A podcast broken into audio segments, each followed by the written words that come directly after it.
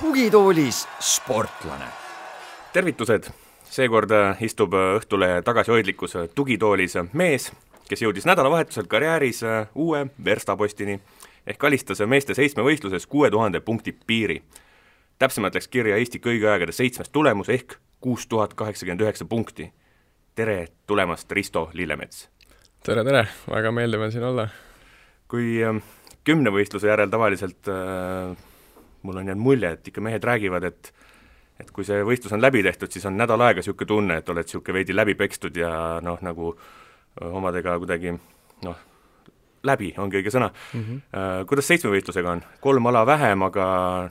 noh, ma ütlen ära, et sa pühapäeval lõpetasid ja me lindistame saadet kolmapäeval. ehk siis kolm päeva hiljem, kuidas pärast, pärast seitsmevõistlust olemine on? kuule, täitsa okei okay on, et äh, teise päeva hommikul natukene oli raske olla, aga ma arvan, et praegu on juba päris hea, et olen siin saunas käinud vahepeal ja taastunud, et äh, et täitsa mõnus on, et sääred võib-olla on natuke veel kanged, aga see läheb ka siin mõne järgneva päeva jooksul üle, et et ei ole kurta jah, et varsti saab hakata uuesti trenni tegema korralikult. Aga kümnevõistluse puhul on jah niimoodi, et et oleks nagu rongi alla jäänud, et see on ikkagi selline päris karm, karm tegevus, et kaks päeva seal staadionil hommikust õhtuni möllata, et see võtab ikka nädalaks või kaheks isegi täitsa, täitsa out, jah. aga mis sa teed tavaliselt järgmisel päeval? kas see on mingi ikka väike trenn on või tegelikult tahaks pitsat süüa? pigem on see pitsa, pitsa söömine, et, et trenni ei tee jah, üks-kaks päeva, et olenevalt, kui, kui läbi oled, et siis nagu vaikselt hakkad liigutama, aga, aga esimesed päevad ikkagi võtad täitsa rahulikult ja pigem kergejõustikule või sellele üldse ei mõtle ja siis taastud ja teed kõike muud. et pigem selline kosumise periood on järgnev nädal aega. esimest emotsiooni tegelikult ju kõik nägid, et et äh, kuus tuhat punkti ja peale tegelikult noh, olid rahul, selgelt näha. kui nüüd äh, paar päeva möödas on, äh, kuidas see, kas tekib mingisugune, kas sa endiselt tunned nii-öelda mingisugust äh, meelerahu või juba hakkab tulema see peale, et ega see kuus tuhat kaheksakümmend üheksa, sellega ju noh, vaatad Eesti edetabelit, Nool, Pahapill ja Uibo on paarisaja punkti kaugusel, mis päris korralik edasiminek, et et kas juba on tulnud see nälg, et et vähe, vähe Risto, peab juurde panema? Jah, ma ütleks küll, et äh, noh, kuna peale võistlust ma nagu ikkagi natuke mõtlesin selle peale, et äh, et tegelikult nagu siit ja sealt nagu on veel panna juurde, et äh, loodetavasti, kuna see oli esimene võistlus, et teise, teine võistlus, siis üldiselt nagu noh, võiks nagu vorm parem olla ja see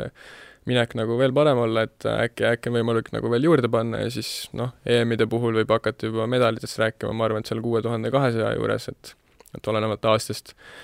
aga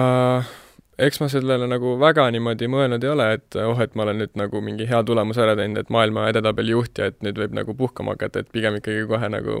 vaatasin EM-i poole see nagu süstis sellist äh, motivatsiooni uuesti, et äh, tahaks juba nagu trenni teha, et äh, hakkas nagu niisugune sügelus peale, et tahaks jah, nagu juba trenni teha ja jälle nagu veel paremaks saada, et et ega ma sellele nagu väga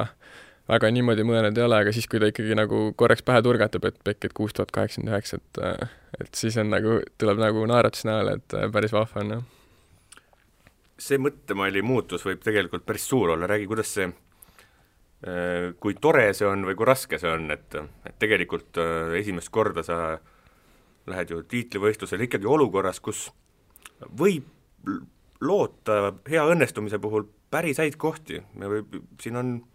see ei ole ju võimatu, et sa teedki seal, paned ise juurde ja ja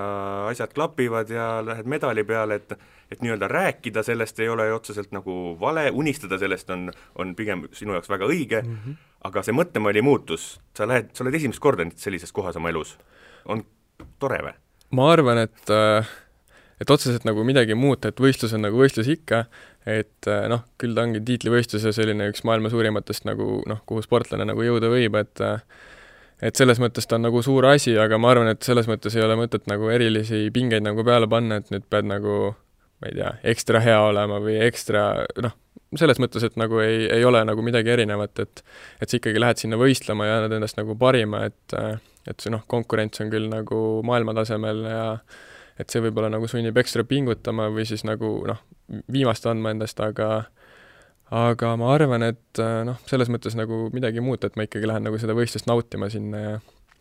et äh, et selles mõttes nagu, ta on tõesti nagu väga äge, et ma saan ennast nagu maailmapildis nagu siis näidata teistele ka, et et Eestis võib-olla nagu enamus on mul juba kaasa elamas ja siis, et võib-olla maailmas tekib ka neid pöidlahoidjaid, et see oleks nagu äge, et et motiveerida ka nagu veel enam inimesi. Ma olen mõnikord isegi imestanud seda, et et ega see pole ajakirjanike nii-öelda väljamõeldis või et sportlased ise on ka rääkinud ju seda, et, tulevad pinged peale ja nii edasi, et esi-, esimest-teist korda või mingid suuremad lootused või nii edasi.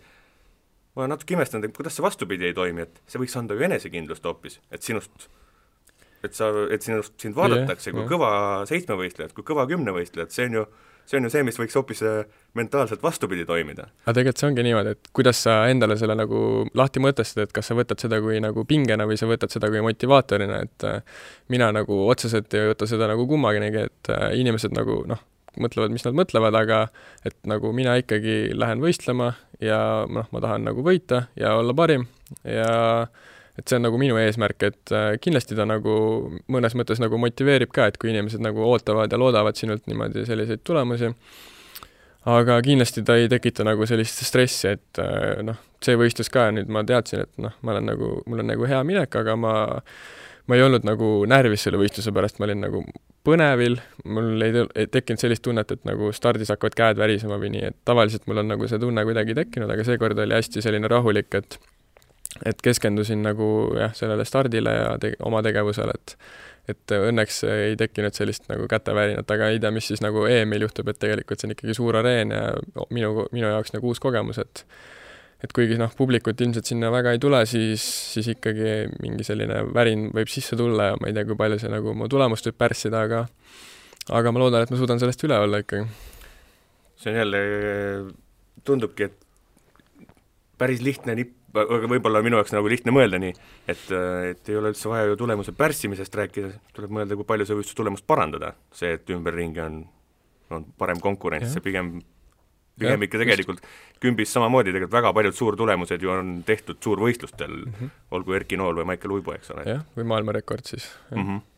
et äh, või noh, eelmine maailmarekord siis jah, vabandust, et äh, aga ikkagi, ma arvan, et äh, see mingis mõttes nagu annab juurde, kas ei võta nagu Janek Õiglane Londoni MM-il ja see oli vaimustav no,, mul oli au seal kohapeal olla ja. ja see oli, see oli mega lihtsalt. jah, ja ma tundsin nagu Eestis Kadriorus võisteldes täpselt sama tunnet, et nagu terve publik elas mulle kaasa ja see andis nagu meeletult energiat ja noh,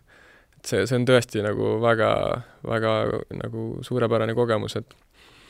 et see kindlasti annab mõnes mõttes juurde, kui sa nagu suudad seda enda, endale niimoodi sisendada, et see, see on nagu lahe et see, et see nagu lükkab sind nagu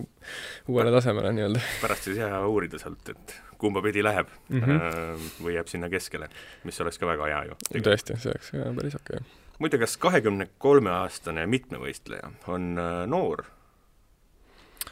no ütleme nii, et äh, noh, mina olen nagu kuulnud, et kuldseks selliseks mitmevõistleja eaks peetakse kakskümmend neli kuni kakskümmend kuus, kakskümmend seitse,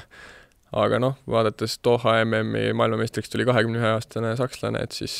ei, ei oska nagu öelda, et ma arvan, et see täiesti oleneb inimesest, et ilmselt äh, kipub olema nii, et pigem nagu sellises vanes, vanemas eas nagu avarduvad, avalduvad sellised nagu võimed ühtlasemalt, et äh, et noh, Erki Nool tegi ma, oma Eesti rekordi tegi kolmekümne üheselt, et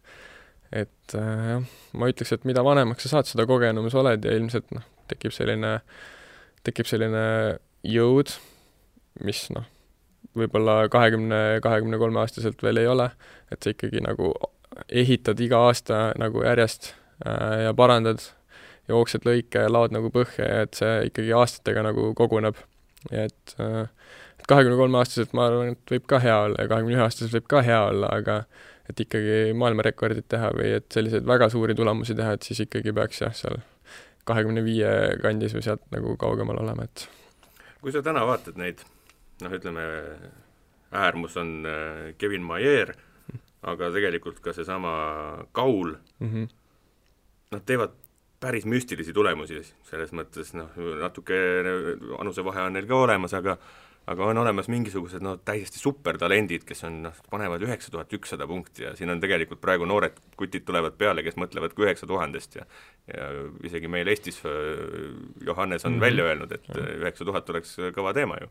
et seda, selle peale poole peabki pürgima. et kui, kui palju sa sellega oled nii-öelda mingis mõttes võidelnud, et et äh, see üheksa tuhat on sinust nii kaugel, et kas see ei tund-, noh, on see mingil hetkel tundunud nagu, et et miks ma teen sama ala, mida Maier, noh, et ta teeb seda kõike nii hästi, et mm -hmm. ma ei mhm. saagi olla maailma parim nii-öelda aga see ongi, see ongi mõnes mõttes motivaator, et nagu kui ma olen vaadanud Kevini sellist iga-aastast arene, arenguteed siis ja pannud nagu kõrvale enda oma, et siis noh, need tulemused ei ole võib-olla päris võrreldavad, aga nagu see areng on iga-aastaselt olnud üsna sarnane, et tema on arenenud ütleme, üheteist poole pealt kümne poole peale siin kaheksa aastaga ja et ma tunnen, et ka minul nagu noh, kas just kümne poole peale, aga sinna võib-olla lähedale, lähemale, et et ma tunnen, et mul ei ole nagu piire alade selliste tulemuste poolest või nagu et ma tunnen, et ma võin nagu lõpetuseni areneda, et ma, eriti nagu tehniliselt ma tunnen, et on on nagu hästi palju, hästi pikk tee veel minna, et ja, ja noh, eks see nagu paistabki, et äh, siin ütleme, viie-kuue aasta pärast, et mis tulemusi ma nagu siis võin teha, kui nagu targalt trenni teha, et et ma ei kujuta ette, et kas ka sinna üheksa lähedale, ma usun küll, et kui kõik läheb nagu hästi, et siis sinna lähedale nagu miks mitte. aga vaadates Niklas Kauli, siis noh, kõige ulmelisem on võib-olla tema odav ise, et äh, ta on kümme aastat mänginud käsipalli, et see kindlasti annab juurde, et et äh, noh, see, mida sa noorena nagu teinud oled, et see et see kipub nagu päris palju kaasa aitama sulle nagu hilisemas karjääris siis Maicel võib kahetseda, et ta Põlvas rohkem Kalmer Mustingu juures ei olnud. jah, näiteks. et aga noh, mina mängisin näiteks jalgpalli ja võrkpalli ja ma tunnen, et need kindlasti andsid ka mulle kaasa, et et joosta ma olen alati viitsinud või tahtnud ja jaksanud, et et see selline töö tegemise nagu niisugune must või raske töö, et see on nagu alati meeldinud, et et see on minu selline võib-olla äh, väike, väike kaasa antud nagu äh, kingitus siis, et mulle tundub, et see, mis sa just sõnastasid, on natuke ka osaliselt meie kümnevõistluse üldise sellise väga hullumeelselt kõrge taseme fenomen. Äh, kui rääkida nüüd sellest noorest põlvkonnast, siis äh, terve, terve posu tüüpe tegelikult, kes äh, võivad olla kuue tuhande mehed, mõned veel ei ole, noh, ütleme, et Eestis on kõigi aegade peale kokku siis kaksteist kuue tuhande meest ja seal joone all on veel kohe-kohe tulemas Kristjan Rosenberg ja David Tšernjavski ja kuue tuhande meeste hulgas ei ole Hans-Christian Ausenbergi mm, -hmm. kes võiks seal vabalt olla, ja ja siis on veel Johannes Ermid ja Karel Tilgad ja Uibod ja, ja nii edasi, niisugune korralik punt. püüa sina nüüd korra veel selgitada mulle, et kust see tuleb? miks teid nii palju on? see on, see on maailma mõistes täiesti fenomenaalne. meil ei ole põhimõtteliselt võimalik, et äh, USA või, või Saksamaa suudavad nii-öelda vastu panna midagi, äkki kuskilt heal juhul Prantsusmaalt äh, mingitel hetkedel kasvab peale samasugune hulk noori, aga Eestis on üks koma kolm miljonit inimest, on ju. räägi sellest fenomenist enda vaatevinklist. ma arvan, et see mingis mõttes hakkab pihta Eesti treeneritest, et äh, mina tean, et minu puhul oli niimoodi, et kui ma läksin trenni, me tegime kõiki alasid ja ma ei leidnudki endal nagu seda ühte ja ühte ja õiget ala ja siis tekkiski mitmevõistlus minu üheks õigeks alaks, et ähm, ma arvan, et see on ka teiste puhul peab paika, et äh, nad ei olnud võib-olla mingis, mingis alas ei olnud ülemäära head ja siis jäigi nagu see kümnevõistlus, et äh, kokku, kokku andis nagu normaalse tulemuse ja siis noh, et see mingis mõttes nagu muutus südamelähedaseks ja siis nii ta läks, et oled sa mõne üksikala puhul mõelnud, et see peaks olema sinu ala äkki, mingis vanuses vähemalt mm,? Pigem ei ole, et ma olengi tundnud, et mul ei ole ühtegi sellist nagu väga säravat ala, et ma ei ole kunagi olnud ka niimoodi, et näiteks noh, kõrgushüpe mul vahepeal oli nagu päris okei okay, võrreldes teistega siis või, aga et ma ei ole kunagi tundnud, et ma peaks nüüd ainult kõrgust tegema, et see et see mitmevõistlus, ma tundsin ikkagi, et see on nagu minu asi, et ma ei suudaks teha ühte ala, et see muutuks nagu liiga üksluiseks minu jaoks, et et mitmevõistlejana sa, on võimalik ennast arendada nii vaimselt, füüsiliselt ja selline noh, äh, mm, tasakaalu, tasakaalu olek siis tekib, et et ei ole niimoodi, et näiteks kui sa oled sprinter, et siis sul on nagu jalad on suuremad või et kõrgushüppajana sa oled nagu hästi kõhna, et mulle meeldib see mitmevõistlejate nagu üleüldine olek, et noh, sellised suured, tugevad, kiired ja nagu see, ongi see tasakaalukus, mis mulle nagu meeldib selle puhul eriti, et et see, mis mind võlus ja, ja see mind siiamaani nagu motiveerib ja mm. -hmm. et see mulle meeldib. kas ähm, paljude alade puhul ja tegelikult ka kergejõustikus ikkagi on, on räägitud mingis mõttes nii-öelda mingist äh, treenerite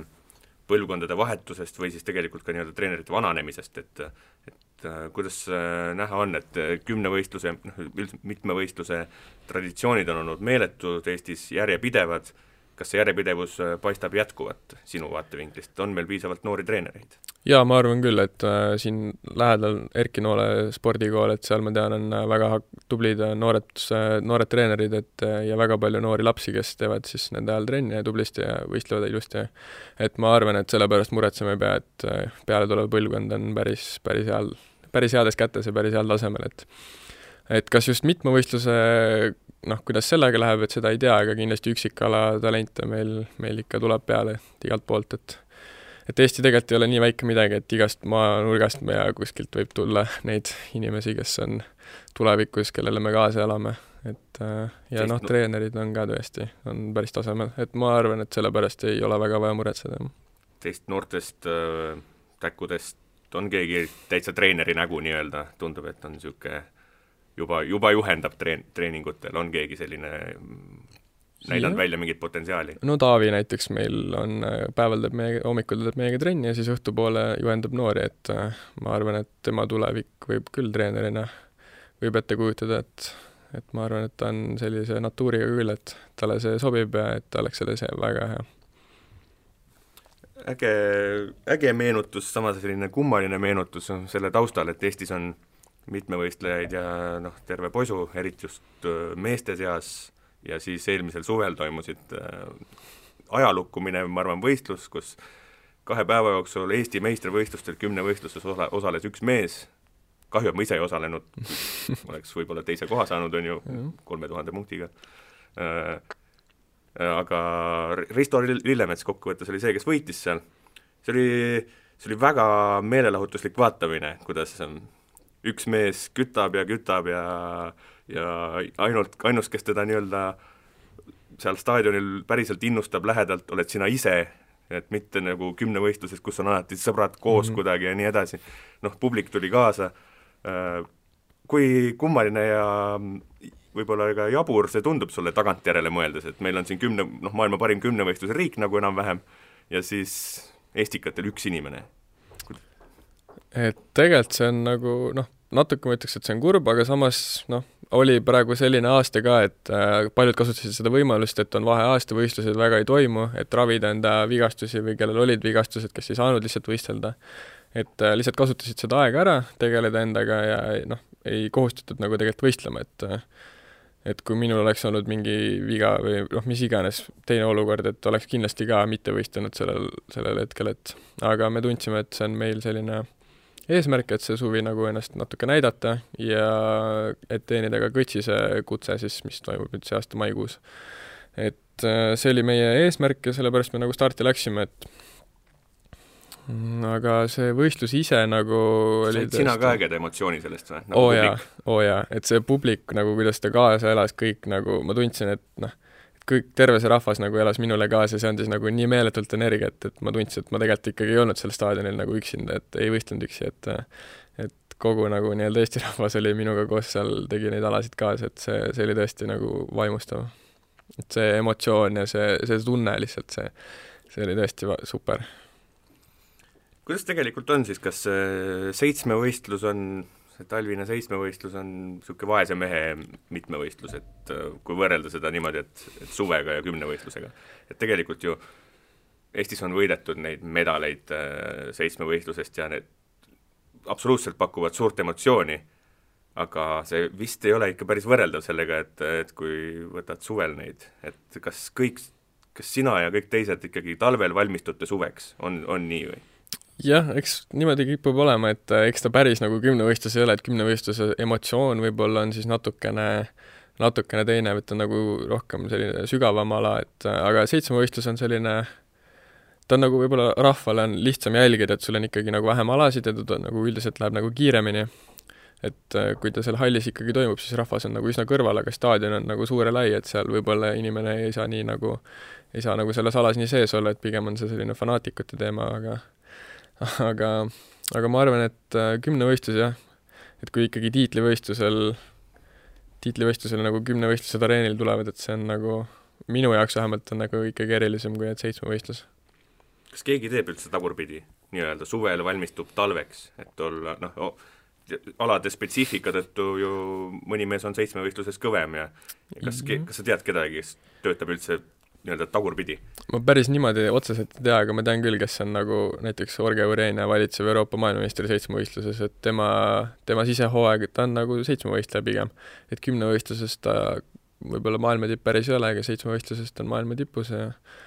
aga ma seda täpselt ei tea, kas ta nüüd päriselt niimoodi trenni ka teeb, et äh, valmistub suvel siis talviseks hooajaks, et aga aga jah, üldiselt on niimoodi, et seitsmevõistlus on ikkagi selline nagu vaheetapp, et kümnevõistlus on see põhiline asi, mida me teeme, et et talvel lihtsalt nagu elame välja, et mitte lihtsalt nagu ainult trenni teha, vaid ikkagi võistlushooaeg on, äh, on ikkagi tore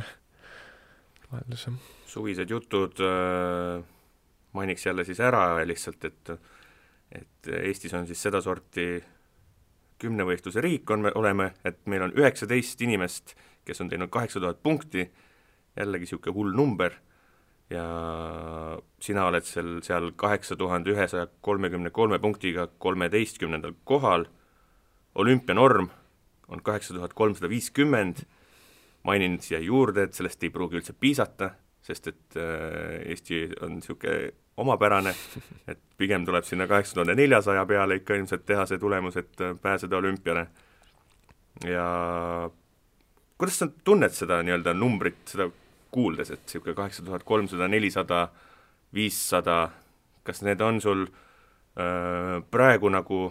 kuskil nii-öelda kuklas või jalgades või kõhulihastes olemas või pigem on tunne see, et peab ikka kõvasti juurde panema? no need numbrid on suht hirmuäratavad, kui mõelda, et tegelikult Euroopa meistrivõistlustel võidetakse medaleid selliste tulemustega, et et päris, päris kõrged summad on juba, aga ma tunnen nii, et noh, näiteks nagu see aasta talvel oli, et ma eelmine aasta tegin väga hea tulemuse, panin võistlusi ilusti kokku, et ma ei olnud kindel, kas ma nagu olen piisavalt nagu hea see aasta, et nagu see üle teha. aga noh, tuli välja, et läks nagu hästi ja et areng on ikkagi toimunud, aga nüüd suvel on nagu jälle see, et kas ma kas ma suudan nüüd ilusti võistluse kokku panna ja kui palju ma nagu suudan siin veel areneda, et et kõik nagu noh, tulebki nagu välja siis võistlusareenil, et äh, loodetavasti esimene start on Kõitsises mai lõpus, et, et eks seal siis nagu paistab, et äh, et kui hästi ma suudan nagu võistluse kokku panna ja et mis see punktisumma siis nagu olla võib, aga ma arvan küll, et ma olen see kolmas, kolmas koha taotleja siis Tokyo olümpial, et et äh, teised on küll kõvad nagu konkurendid ja kindlasti niisama seda kohta päris ei saa, et äh, peab ikka roppu vaeva nägema, aga ma tahaks ikkagi jah, olla seal nimekirjas, et kes sõidab siis suvel olümpiale. kus sa siis seda kõige rohkem juurde paned? et noh, mõned alad on rohkem punktialad, kus nii-öelda arenguhüpe on pärast rohkem tulemuses näha mm, -hmm. kas seal on mingisugused konkreetsed skeemid ja plaanid välja mõeldud, et kust võtta need tegelikult Äh, piir ees ei ole ju, võtta mm -hmm. lihtsalt punkte juurde, et tegelikult võib minna ju täpselt üheksa tuhandeni välja, et mm -hmm. keegi, keegi ei keela. ma arvan, et selline üleüldine tase, et lihtsalt nagu ongi igal alal panna natukene juurde ja noh, siis neljasajas natuke rohkem, et nelisada võib-olla mul, kui võrrelda nagu maailmatasemega, on siis selline, mis kõige rohkem jääb alla, aga üleüldiselt nagu aladel hakkan nagu jõudma sellisele keskmisele kümnevõistleja maailmatasemele, et et kui nüüd igal alal natuke veel areneda, et siis kogu summa, mis nagu kokku tuleb, võib-olla kasvada saja, kahesaja, kolmesaja punktiga, et et kindlasti nagu neid kohti on, kust veel, veel võtta, et noh, nagu ma ütlesin, nelisada ja ja kindlasti ka teivashüppes on, on varu meeletu, et rekordi sees hüppasin neli kaheksakümmend viis, aga ma tean, et ma olen võimeline hüppama palju kõrgemale ja et teivas on nagu kallis punktiala ka ja aga jah, ongi nii, et igal alal ma tunnen, et, et on võtta küll, et et juba niisugune väike ärevus on sees, et mis, mis seal talvi- või suvisel hooajal hakkab saama, et talvine hooaeg ei ole veel läbigi, et aga juba nagu mõnes mõttes see suvine hooaeg ka on peas nagu. jah, loodetavasti siis äh, saab niimoodi ikka teha seda suvist hooaega, et, et oleks ikka tehtud mm, -hmm. mitte nagu mullu üksinda jaa, loodetavasti ikkagi toimuvad võistlused, et see, et see on nüüd natuke selja taha jäämas meil siin see raskem seisukord, olukord näis jah, täna, tänane see kolmapäev vist peaaegu kaheksasada uut äh, positiivset Eestisse nii-öelda mitte positiivset uudist, vaid Jah. positiivset proovi. aga need äh, teised kutid, kellega seal äh, ajad seda olümpiakohta taga, paljud neist äh, on elanud või elavad Ameerikas, kaugel maal. kuidas sina tunned, kas sa oled Ameerikat igatsenud ka veidi või? sest et äh, noh, lihtsalt taustaks ära rääkides, et äh, sina treenid siin Eestis Art Arvisto pundis, David Tšernjavski ja Kristjan Rosenbergiga,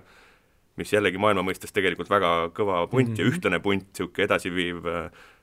jõud mm. -hmm. aga samas kuuled ju neid lugusid sellest, et sellest Georgia ülikoolist, mis tingimused seal on ja missugused äh, noh, tegelikult kuhu nad on jõudnud, numbrid räägivad enda eest ju, et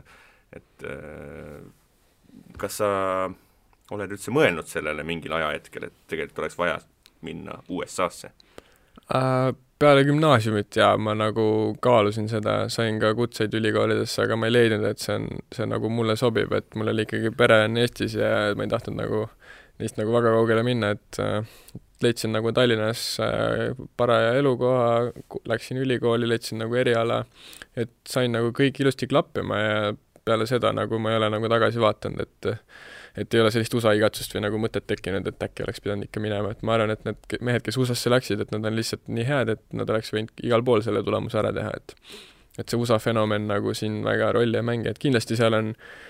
mingil määral on sul lihtsam teha, et võib-olla sa ei pea rahalise poole pärast nii palju muretsema ja füsioteraapialise, noh, see pool on nagu seal tõesti tasemel, aga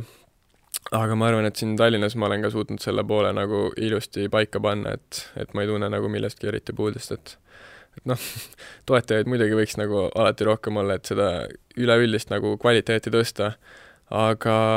aga ma arvan, et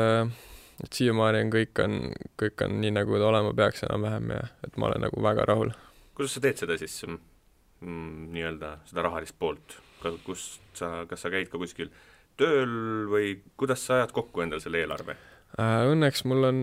vedanud vanematega natuke, et nemad, kuna ma elan vennaga kahekesi üürikorteris, et et esiteks see üürnik, kes meile seda korterit siis nagu, korteri omanik, ütleme, et on väga vastu tulnud, et meil on päris hea, päris hea hinnaga see korter, et siis vanemad maksavad nagu selle meil. aga, aga ülejäänud, mis siis on nagu minu enda saadud, et noh, kooli poolt on tulemus, või no siis jah, tulemusstipendium, erialastipendium sealt tuleb natukene ja siis on ka EOK, EOK toetused C-kategooria, saime siis äh, kolme peale kaks kat-, C-kategooriat ja sealt natukene, et seal on ka üks äh, massaaž on siis kuus on, läheb sinna alla. Aga, aga muu ongi siis enam-vähem kas, kas on minu eelmine treener Andres Laide Saaremaalt on leidnud kedagi äh, või, või nüüd sügisel leidsin ise ühe ühe Saaremaa ettevõtja, kes oli nõus natuke toetama. et eks neid nagu üksikuid, üksikuid toetajaid on nagu olnud, aga midagi sellist, et paned nüüd särgi logo peale või Instagramis paned story desse, et selliseid nagu ei ole olnud, et et, et kuidagi ma olen nagu hakkama saanud, et et ma arvan, et ei, ei ole nagu vaja nuriseda, aga samas tead, et noh, vaatad poes, nagu mis need nagu nii-öelda öko, ökotoit või selline nagu väga, väga kodune toit, et see ikkagi maksab pea poole rohkem, kui on noh, võib-olla ma ei tea, poole õunad või mis iganes, et, et äh, sinna ikkagi läheks nagu päris palju raha. Ja see, ja see kvaliteet nagu tegelikult on oluline, et et aga ma ei tea, ma ütleks, et äh, et igas olukorras on nagu võimalik hakkama saada, et, et lihtsalt, lihtsalt pead ise nagu piisavalt, piisavalt tubli olema siis või piisavalt seda tahtma mm,. Need on, see on ka nii-öelda teisi sportlasi kuulates olnud selline raske osa, aga mulle on tundunud ka, et see on üks väga nii-öelda väga õpetlik ja arendav osa nii-öelda mm -hmm. ka nii-öelda eluks pärast just, sportlaskarjääri, see, kuidas te, jah, ma ei tea, väga vähesed kuulajad, ma arvan, teavad seda tunnet, et kuidas minna kuskile ja küsida mm -hmm. äh, lihtsalt nii-öelda raha mis on täiesti normaalne tegevus Eesti sportlaste seas, nii et jah, sest küsija suu pihta nagu ei lööda, et sa pead ise, ise olema julge ja peale hakkav, aga samas aga samas nagu noh, vahepeal võib-olla tekib see tunne, et äh, tahaks nagu midagi vastu anda, aga võib-olla ei oska seda nii hästi, et noh, et see mingi hetk nagu võib tekkida selline probleem, aga samas, kui, kui inimesed nagu ongi lihtsalt nagu tahavad head sulle, et siis nagu sellest äh,, selle arvelt nagu siis sina pakud neile nagu seda tulemust ja emotsiooni vastu, et siis, siis sa tunned, et nagu sa oled selle võib-olla natuke ära teeninud. aga aga võib-olla ongi, kui on selline suurem toetaja, et siis mingil hetkel nagu tahad talle nagu midagi vastu pakkuda või pikaajalisem toetaja siis just, et nagu, et pakkuda vastu talle, et võib-olla siis nagu tekib probleem, et mina näiteks olen mõelnud, et mis see minu väärtus on, et mis ma pakun nagu minu toetajale vastu, eh, peale selle näiteks emotsiooni siis, mis, mis siis tekib, aga emotsiooni saab jälle jagada tihemini läbi Instagrami ja Näiteks, Facebooki, eks ole, mida, mida tegelikult on, saab ju õppida, eks ole, ka nii-öelda välismaalt. ega meil on, meil on ka tekkinud juba päris häid näiteid Eestis. et kõik on, jah, ongi, kõik on võimalik, et lihtsalt tuleb ise nagu peale hakkama olema ja siis iseendale kõik nagu see kas siis läbi mõelda või kuskilt ise uurida ja et tegelikult, tegelikult saab nagu sellega ise väga ilusti hakkama, et absoluutselt. mis sa õpid Tallinna TTÜ-s õpid? TTÜ-s, jah. Ja TalTech oleme vist, vist nüüd moodsad, aga mis sa õpid ja kuidas läheb? ma õpin tootearenduse robootika eriala kolmandat aastat, nüüd loodetavasti kevadel lõpetan, aga siis tootearenduse spetsialisee-, spetsiali-, spetsialiseerumisega, et tootearendus, tootmistehnika. Siiamaani ta on väga põnev olnud, et paar, paar semestrit tagasi oli üpriski raske, kui ma käisin laagris ja olid võistlussõidud, et siis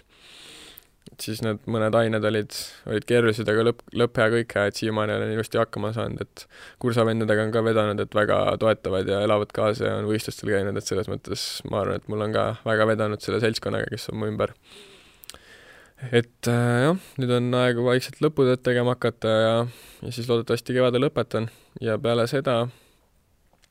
elaks äkki spordimehe elu, siis vaataks nagu, käiks laagrites ja ja tegeleks nagu selle poolega rohkem, et tippsportlaseks, nii nagu Just. need sinu konkurendid tegelikult välismaal yeah. päris paljud teevad ilmselt, eks ole yeah., on juba, on juba tegelikult veel nooremana nii-öelda profid, täitsa profid nii-öelda. just, et ma leian, et nagu tööd jõuad nagu eluaeg teha ja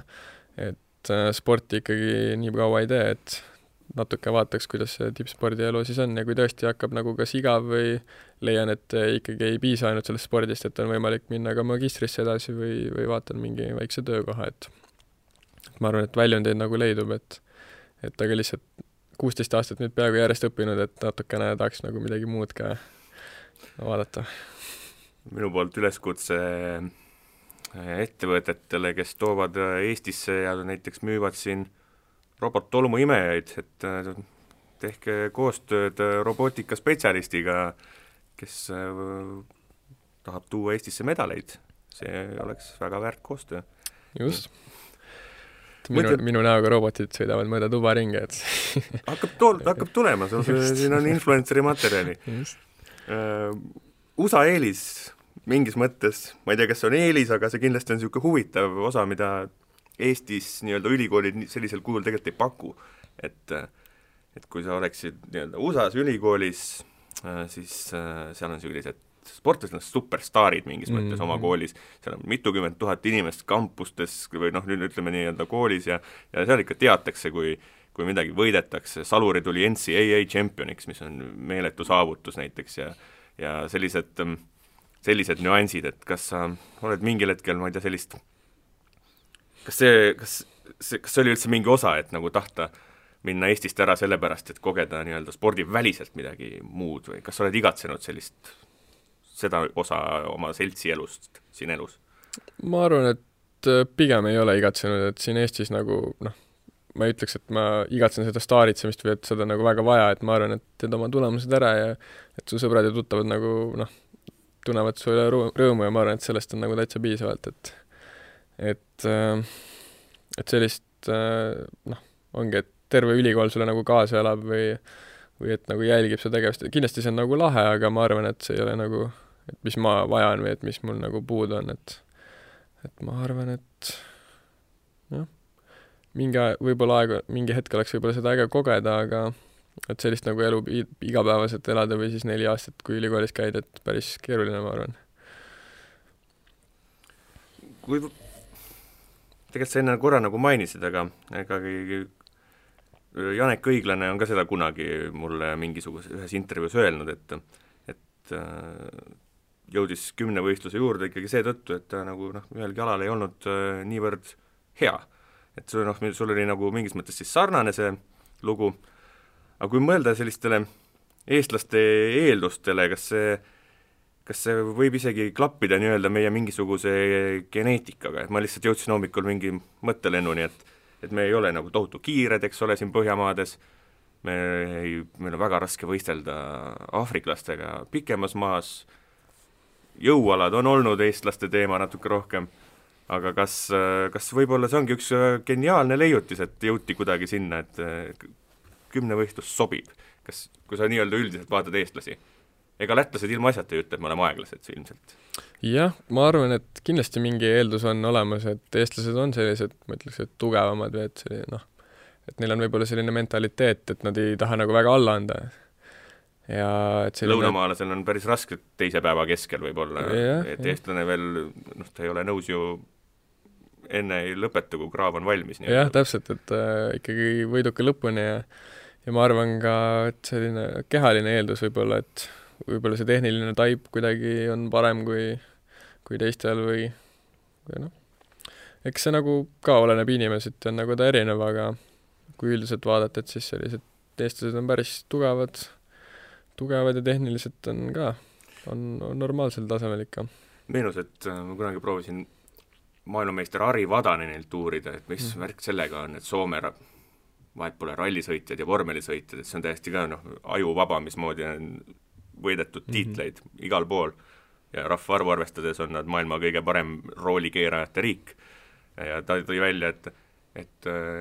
et suudet-, et suudad jääda rahulikuks, et rallis on ka nagu nii-öelda pikk kala, eks ole, mitu päeva on vaja ja väikestel mm. asjadel ei tohi lasta ennast väl-, endast välja viia, et suudetakse lihtsalt riivad seda puud, noh, pole hullu, lähme edasi. et äh, vist natuke midagi sarnast oli see, mida sa sõnastasid, et et selline ka nii-öelda võime, võime keskenduda need paar yeah, päeva yeah. järjest ja et see on jah, kuidagi võib-olla siis eestlaste teema, et kindlasti selline mentaalne pool on nagu, ma ütleks, et ta on päris tugev, et et et tean teistest riikidest nagu, kes noh, see ei ole kindlasti nagu mingi reegel, aga ma ei, ja ei tahaks nagu öelda, et see on nagu ka, et eestlased ongi nagu paremad kui teised selles osas, aga aga võib-olla tundub mulle niimoodi, et eestlastel on see nagu kuplal on nagu kuidagi paremini mõtestatud see asi, et keskendumine just ja kas sa jäid sportlaskarjääri valides, siis kui sa nagu noh, jõudsid, hakkasid tulema tulemused, mille pealt sa otsustasid, et äh, lähed lõpuni välja, kas sa jäid ka millestki ilma ka või? on Saaremaa poiss äh,, ikka, ikka tehakse pulli äh, vanuses, ma ei tea, olgu see kuusteist või võib-olla on läinud nooremaks need numbrid äh, ajapikku, millal alustatakse pulli tegemisega nii-öelda. kas äh,, kas sa said ikkagi mingid pullid kaasa teha või, või jäidki nii-öelda, tõmbusid eemale? Äh, eks mõlemat ikka omal jagu, omajagu sai ikka pulli ka tehtud, et äh, äh noh, sõprade pundiga kogu aeg sai kolatud ja igast lollusid tehtud, et aga noh, mitte midagi sellist hullu või et mis oleks mu nagu sporti väga pärssinud, et ja noh, teises, teises nagu seinanurgas siis või niimoodi, et et väga nagu mingi pidutsema ka ei olnud, et istusin kodus, mängisin oma arvutimänge ja et selles mõttes võib-olla see aitas ka mul nagu eemal hoida mingitest nagu tegevustest, aga aga jah, omajagu nagu pättust sai ikkagi tehtud küll, et aknaklaasi lõhutud kogemata jalgpalliga või mis iganes, et et aga jah, mitte midagi sellist nagu väga rasket, et noh, nagu tavaline poiste selline seltskond käis ringi ja tegi oma asja. Kuressaarest pärit? Kuressaares, jah. et ongi nii-öelda see sinu elu baas on olnud seal linnas või on linnast väljas natuke? no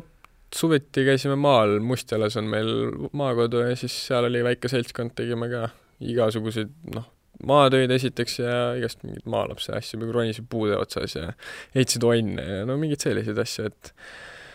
äh... see on ju tahetud ikka rääkida, et et arvutimängu põlvkond, mis sa ütlesid, et sa tegelikult mm. ju oled, on ju, et noh, tead, ikka vähe, vähe liigutakse ja möllatakse mm, -hmm. siis äh, Saaremaal on asjad veel, vähemalt sinu ajal olid nii-öelda tasakaalus. mängid arvutimängu ära, aga suvel ikka pead sinna puu otsa minema, on ju. jaa, ikka see pool on mul alati nagu pigem olnud nagu eespool, et et mulle nagu meeldis looduses niimoodi möllata ja pigem olen niisugune seiklushimuline ja aga need arvutimängud, need olid lihtsalt nagu ajaviiteks, et kui kui olidki, tulid nagu koolist koju, istusid arvuti taha natuke, pidid muidugi vennaga jagama, sest meil oli nagu väga täpselt paigas, et kui kaua keegi võib olla ja selles mõttes vanemate poolt meil oli nagu ka nagu hea kasvatus, et et noh, sellel ajal küll nagu vaatasid nagu väga karmi pilguga sellele, et äh, sa võid olla ainult tund aega ja vend võib olla ainult tund aega või nii, et aga, aga tagantjärele see kindlasti nagu mõnes mõttes õpetas kasvat- või õpetas nagu jagama ja teistega ka arvestama, et et nüüd on nagu noh, oled nagu tänulik selle eest, aga aga siis oli küll väga raske, jah. kas puu otsas ronimisele pandi ka kellaajad või puu otsas võis ronida rohkem kui tund? jaa, ei puu otsas võis õnneks rohkem ronida kui tund, et et lihtsalt kui läksid hommikul kümnest, läksid jalkat mängima ja siis õhtul kell kümme tulid koju, et siis oli nagu täiesti okei okay,, et vahepeal võib-olla ema kirjutas või helistas, et kus sa oled ja siis ütled, et äh, mängid jalkat ja oligi korras, et kui võtta see nüüd variant, et noh, enne justkui nagu küsisin, et et see, et kui sa nii-öelda valisid selle tee, et minna spordiga lõpuni välja et mhm. siis, et noh, justkui mida sa oled ohverdanud, aga mida sa oled võitnud, võrreldes jällegi võib-olla sellesama põlvkonnaga, kellega sa üles kasvasid, et sinul noorena tekkis kohe mingi siht, et oled sa märganud, et see on sinust, ma ei tea, teinud kiiremini täiskasvanud inimese või midagi sinna suunas, et kas sa oled mingi, tunnetad ka mingit kindlat võitu, et kuna sai tehtud nii konkreetne ja tegelikult riskantne otsus ju mm? -hmm. ma arvan, et et tänu spordile, eriti tänu kümnevõistlusele, mul tekkinud selline nagu mentaliteet, et ma saan nagu kõigega hakkama, et ma olen nagu hästi leidlik ja noh, ükskõik, mis probleem on, et ma nagu loovalt leian sellele lahenduse, et et see on nagu minu tugevam külg, et noh, ma lihtsalt suudan nagu tööd teha hästi palju. noh, võib-olla see on ka tulevikus, kui ma peangi nagu tööle minema peale sportlaskarjääri või noh, eks näis, mis nagu tulevik toob, et et ma suudan nagu igal alal läbi lüüa, et see on võib-olla tekkinud tänu spordile, aga aga selliseid suuremaid võite on kindlasti see tutvusringkond, mis on nagu sportlaste hulgas tekkinud, et see on nagu see on väga-väga äge seltskond ja selle üle on ka siiralt hea meel. ja noh, ma ei taha nagu öelda, need karikad ja need medalid, mis ma nagu võitnud olen, aga lihtsalt see emotsioon, et see, et seda nagu väga muult moolt naljalt ei saa, et see ikkagi, see ikkagi on natuke teistmoodi selline võidutunne või selline rõõm, rõõmsuse emotsioon, et see jääb nagu meelde sulle ja sul on seda nagu hea meenutada et mis see, mis see nagu lugu selle taga on, et et iga nagu kümnevõistlus on eraldi lugu, et sa võidki rääkida tunde, tundide viisi igast võistlusest eraldi, sest et nagu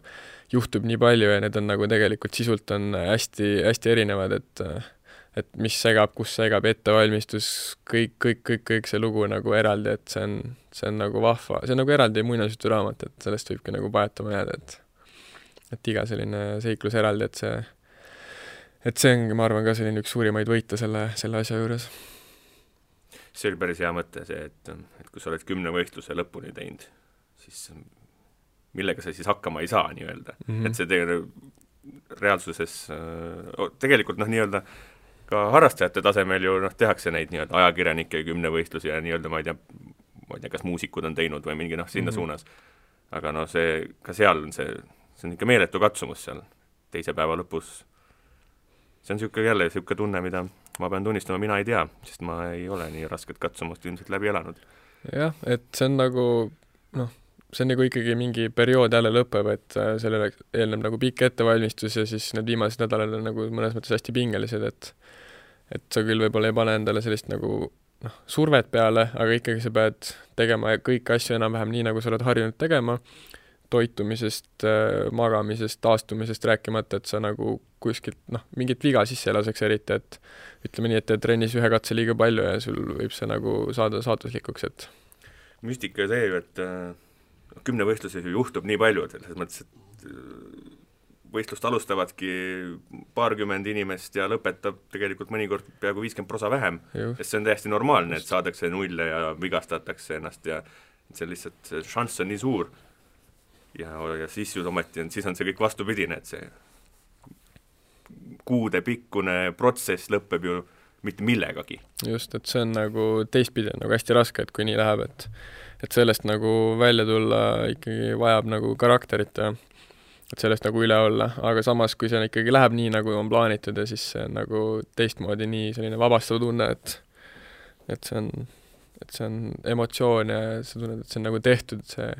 ongi, et sa sulged nagu raamatul jälle ühe kaane, et, et on läbi üks periood jälle. kes su lemmik äh, muusikaartist on? see on hea küsimus, ma eelistan sellist kiiret elektroonilist muusikat, drum n bass ja et see võistluste ajal, ma tahaksin siinkohal öelda tänusõnad Eesti Kergejõustikuliidu DJ-le, kes laseb muusikat siin, et ma ei tea, see, see mees, talle, mulle meeldib see muusika, mida ta laseb ja see annab nii palju energiat, et ma rääkisin, et publik annab energiat, aga samamoodi muusika on teine selline aspekt, mis nagu väga-väga palju annab mulle juurde võistluste ajal. aga ma olen ka ise selle peale mõelnud, et kes mu lemmikartist võiks olla, ma arvan, et Linkin Park on, mida ma kuulasin väiksena, mega mega sinu poolt. tõsi, see, nende album, see on, eriti see vanem album, et see, see on kuidagi nagu väga hingelähedane. Ja teisalt on, on siin uuema aja artist on Blackmill, ta teeb nagu ka sellist elektroonilist muusikat ja see on hästi rahustav kuidagi. et äh, paljudele inimestele see kindlasti ei meeldi, aga minule ta nagu, ta mõjub hästi emotsionaalselt kuidagi et ma päris igapäevaselt ei kuula seda, aga vahepeal siis, kui ma satun ta peale, siis nagu see on tõeline meistriteos, et et ta loo-, tal on nagu omapärane stiil, selline hästi, hästi kuidagi ka hingelähedane. aga kui rääkida noh, mis ma nagu võistluste ajal kuulan, siis Wilkinson ja Dimension ja et selli-, noh, nemad on sellised kiirema muusikamehed, et, et see kuidagi tõmbab käima mm, trennide ajal läheb rahulikumaks mingil hetkel näiteks siis või, kui on, ma ei tea, mingisugused pikemad rahulikumad äh, jooksud äkki või, või ega ma ei tea, kui tihti seda juhtub, et ka, või, või on alati niisugune hoogne? Trennide ajal ma pigem ei kuule jah, et kui nagu raadio mängib, et siis on hästi, aga noh, vahel paned nagu telefonist mängima, aga üldiselt on vaikne, ajame juttu ja nii, et tunnen, et võib-olla teised kutid nagu noh, treener siis et viskab üle, kui ma kogu aeg seda ühte sama noh, tatsutamist kuulan et äh, lihtsalt ei pane trennide ajal muusikat, aga võistluste ajal nagu ta annab jah, kuidagi võib-olla siis ekstra hea efekti, et et treenides saan nagu ilma hakkama. aga võib-olla siin on ka see peidus, et et ma nagu treenides ei saa väga millegagi hakkama, et kas see muusika siis tõesti mängib nii suurt rolli, et et võistlustel suudan ennast nii väga kokku võtta,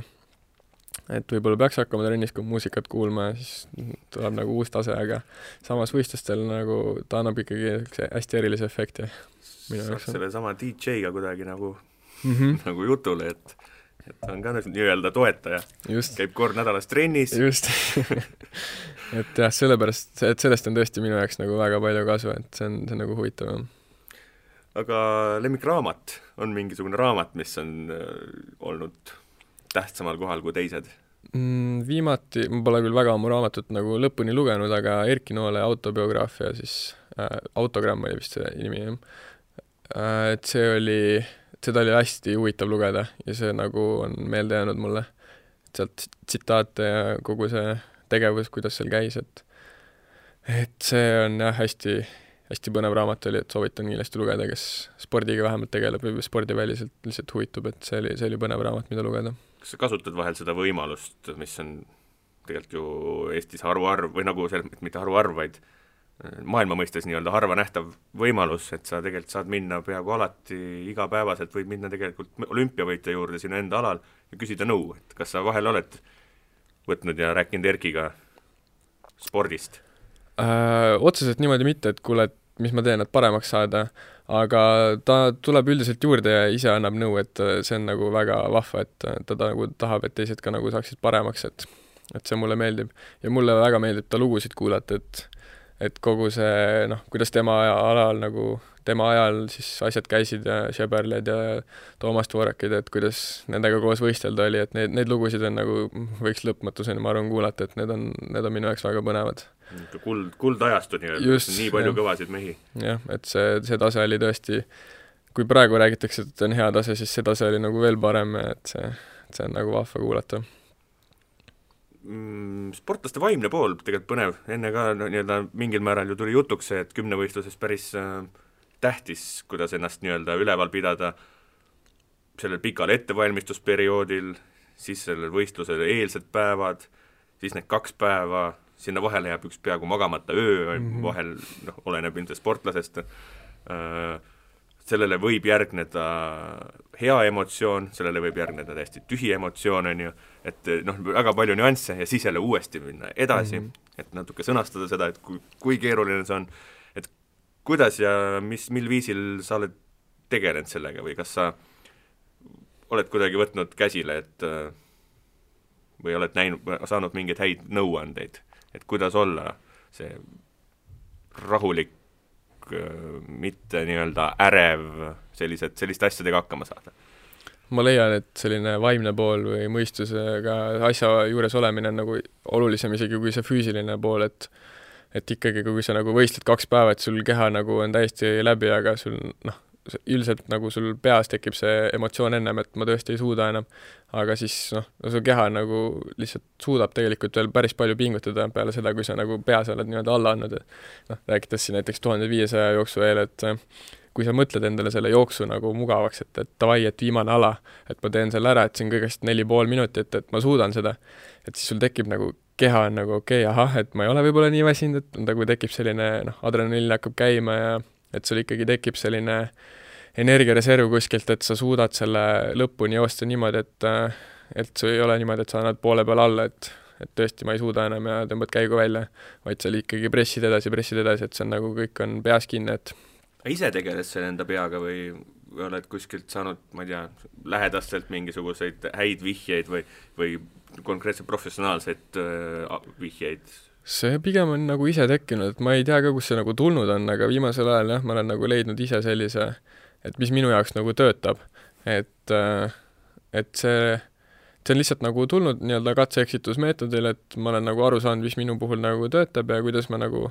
pean neid asju nagu võtma, et mul noh, edukalt kõik nagu välja tuleks ja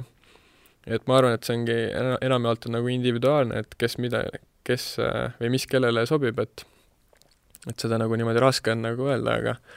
aga minu puhul ongi, et sa võtad nagu seda rahulikult, sa naudid seda võistlust ja noh, keskendud sooritusele, et tulemusele nagu otseselt ei ole mõtet mõelda, et kui sa ikkagi teed selle soorituse ära, mida sa noh, oled noh, oled harjutanud ja või et mis on nagu ideaalilähedane sinu jaoks, siis, siis tuleb ka see tulemus ja tulevad ka need punktisummad, et ei ole nagu selles mõttes mingit pinget vaja panna, et ma pean tegema kuus tuhat punkti nüüd, et et sa teed oma soorituse ära, tulevad ka need punktid ja tulevad ka need lõpptulemused, et, et see on nagu täi-, täitsa, kindlasti täitsa nii-öelda ebaõnnestunud alade järel ka edasi teinud, on ju, on ikka juhtunud, alati vist, kõigil on juhtunud. kuidas et... see on, see vist on veel kõvem väljakutse, et, et siis edasi panna noh, et teha järgmisel alal isiklik, tead, et lõpptulemus on niikuinii pekkis. Eba, nagu selles mõttes võistlus on ebaõnnestunud, aga sa pead panema veel näiteks äh, kaks ala veel ja siis veel panema tuhat viissada meetrit ja seal ka noh, nii-öelda tühjaks tegema ennast ja teades, et kaks järgmist nädalat on keha veel ka läbi pekstud mm. tundega, on ju, et kuidas sa sellelt, oled, oled tundnud seda võitlust endas, et tegelikult tahaks alla anda? oo oh jaa, just viimane võistlus, kui me käisime Reunioni saarel kümnevõistlust tegemas, et siis oli, mul ei tulnud nagu otseselt äh, ei olnud midagi hullu, aga ei olnud sellist tulemust, mis lööks nagu silmad särama ja peale igat ala oligi see tunne, et nagu järjest süvenes see nii-öelda masendus, et pekki küll, et miks mul välja ei tule. ja teise päeva keskel oli, kui mul läks ketast päris untsu, noh, mitte nagu väga untsu, aga nulli ma ei saanud, aga lihtsalt tulemus oli mitu-mitu meetrit vähem, kui ma nagu oleks võinud seal heita, siis mul oli küll niimoodi, et davai, et ma ei viitsi enam. ja lihtsalt, lihtsalt tegin oma teiba ära ja siis tuli odav ise ja silmad jälle särasid viskasin isikliku rekordi kahe meetriga peaaegu ja, ja jälle silmad särasid ja ikkagi lõpus ma tegin noh, seitse punkti vähem kui kaheksa tuhat, väga korralik tulemus, ma arvan, selle perioodi kohta, ja tulin kolmandaks. et nagu sa ennem ütlesid, et noh, isegi kui sul ebaõnnestub mingi ala, et sa pead ikkagi lõpuni panema, et tõenäosus, et keegi kas katkestab eest või või mis iganes juhtub, et et see on nagu noh, mitte päris suur, aga see on nagu olemas ja siis sa võidki tegelikult isegi ka mitme eba, ebaõnnestunud alaga saada päris hea koht või päris hea tulemus, et et sa kunagi ei tea, millal teil läheb see eneseületus, et sa teed jälle isikliku rekordi ja tõused nagu graafikusse tagasi, et et ikkagi sa pead nagu laskma selle lahti, et kui sul läheb ala hästi, lased lahti, võtad uue ala ette, et äh, sa ei saa sellele nagu, võtad selle emotsiooni kaasa aga sa ei keskendu nagu sellele väga palju, et sul on ikkagi nagu uus ala ja sa nagu keskendud sellele sooritusele. ja kui läheb ka pekki, täpselt samamoodi, unustad ära ja lähed uuele alale uue nagu emotsiooniga. teed nagu sellise vaimse restardi, et et sa pead suutma nagu ära unustada, et see on ikkagi nagu kümme üksikala, et et see noh, punktisumma küll pannakse lõpus kokku, aga sa teed neid alasid nagu eraldi kõike. et kui sa hakkad nagu mõtlema sellele, et noh, jälle läks pekki, jälle läks pekki, et siis see on nagu päris raske on vaimselt et see, siis te võibki tekkida see, et sa annad nagu alla ja aga minu puhul on nagu niimoodi, et kui mul läheb ala pekki, siis ma tundun, et ma olen hästi norus ja et ei, ei ole tahtmist nagu väga teha, aga sisimas mul see viha või nagu eneseteostustahe siis nagu see läheb veel suuremaks ja siis järgmisel alal ma lähen nagu lihtsalt mitte nagu päris panema, aga see tekitab nagu lisa sellist äh, lisamotivatsiooni kas täiesti teoreetiliselt äh, on võimalik nii-öelda vastupidi teha, sa ütlesid, et kümnevõistlust noh, peaks tegema nii, et kümme üksikala, on ju, ja mm -hmm. nii-öelda võtma eraldi ja küll siis kokku tuleb nii hea, kui ta tuleb, aga kas seal on või-, üldse teoreetiliselt võimalik nii-öelda mingit strateegiat teha ja kuskil puhata? et ma ei tea, mingit ala võtad natukene lõdvamalt, et oma trumpalal olla hästi hea, et äh, üsna raske vist niimoodi teha või? Jaa, sest et sul on ikkagi kümme ala ja nagu punkte ei saa kuskilt väga kaotada, aga aga kindlasti sa pead nagu targalt tegutsema, et ei ole nii, et peale igat ala, ma ei tea, tatsad seal ringi ja et see on ikkagi, energia kokkuhoid on nagu päris, päris oluline, et sa teise päeva lõpus noh, no sa oled tühi, aga et see ei oleks nagu noh, lihtsalt lõpmatuseni tühi, et äh, jah, teed oma soorituse ära ja noh, natuke seal tähistad võib-olla ja või mis iganes, et et ikkagi sa pead nagu puhkad seal alade vahel nii palju kui võimalik ja hoiad nagu seda energiat nagu kokku, et et äh, see on nagu ka hästi oluline selline aspekt, et see on päris äge tegelikult, kuidas nagu selle vestluse jooksul on, ma arvan, et kokku päris hästi saanud sõnastatud see lugu, kuidas ühe kümnevõistluse jooksul inimene tegelikult kasvab. Yeah.. et ja, ja kui sa teed neid ikkagi mingi aja, siis siis kurat, vaevalt sind elus nüüd miski hakkab maha niitma, olgu see mingi töö või mingi muu asi, et et päris kõva väljakutset nii-öelda kadalippu olete valinud, päris mm. paljude sõpradega koos, tundub. jah, et äh, see kogu see kümnevõistlejate punt, et see on, ma ütleks, et kümnevõistlejad on maailma parimad inimesed, et nad on hästi sõbralikud, neil on hea huumor ja noh, et see on tõesti nagu hea sats, kellega koos seal kaks päeva veeta aega ja siis et see, nad innustavad ja nad motiveerivad ja ja et nad on ainsad, kes teavad tegelikult, mida teised läbi elavad. jah, jah, et see fännid ja no ajakirjanikud ja muidu noh, Nad näevad seda, mis staadionil no, proovime aru saada, aga tegelikult ju ei tea seda tunnet. jah, et eh, see must kõik see, mis seal kardina taga nii-öelda toimub, et seda nagu nad väga ei näe, aga teised sinu võistluskaaslased, nemad ikkagi teavad, mis nagu see kümnevõistluse trenn on, et et jah, kuidagi selline väga, väga äge selline õhkkond on. Saaremaa kutt Äh, enne tuli jutuks ka, homme lähed Saaremaale, mis äh, teed seal? Äh, lähen jah, homme Saaremaale, saan vanavanematega kokku ja perega, et natuke jutustada, muljetada ja näha jälle üle natukese aja, et et üldiselt ma käingi Saaremaal jah, nagu perega pärast ja proovin maal nii palju kui vähegi võimalik kasulik olla ja, ja siis noh, kindlasti ka maale sauna lõõgastuma ja et see on, mis mulle väga meeldib nagu vihelda ja seal, seal noh, lihtsalt olla nagu rahulikult sellest linnaelust eemal, et see on, see on nagu hoopis teine maailm, et et see on nagu noh, kindlasti tal on ka oma efekt, et enne võistlused käisin jälle kodus ja see, see nagu kuidagi rahustab ja annab nagu sellist uut energiat. see jutt äh, kuidagi klapib endiselt, et et saarlased on kuidagi, ma ei tea, natuke teine rahvus kui need mhm. mandrilased või, või hakkame me segunema või kuidas sulle tundub, et et äh, ikka kodusaar on kuidagi erili-, nagu teine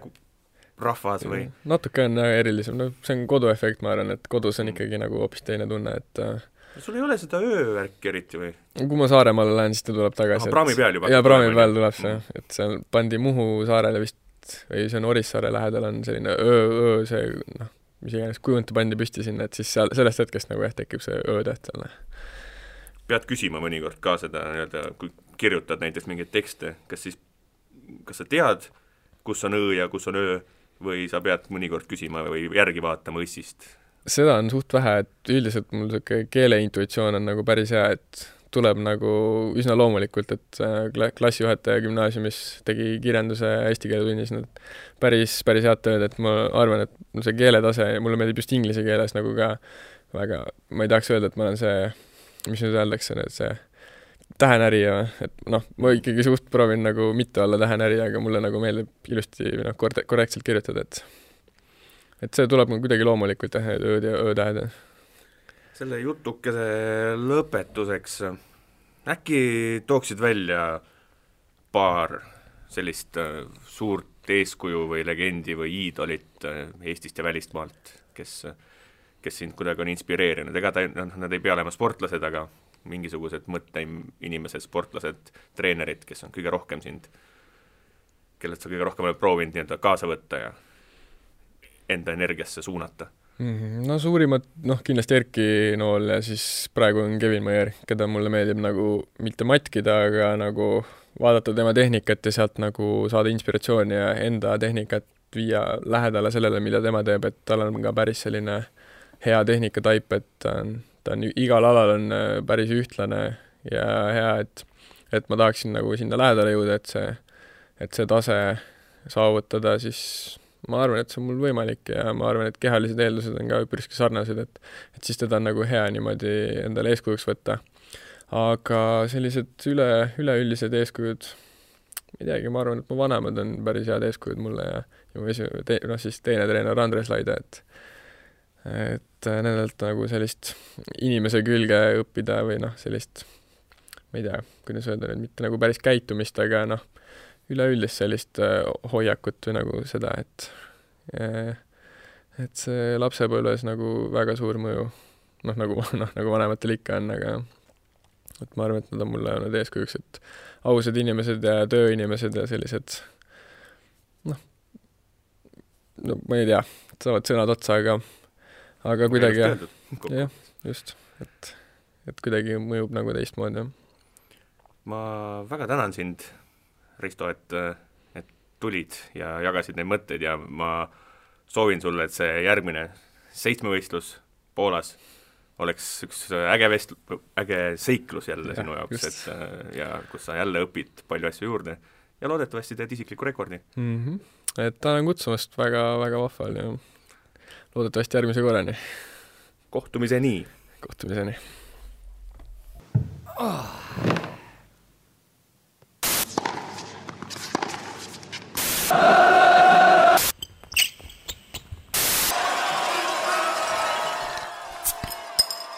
tugitoolis sportlane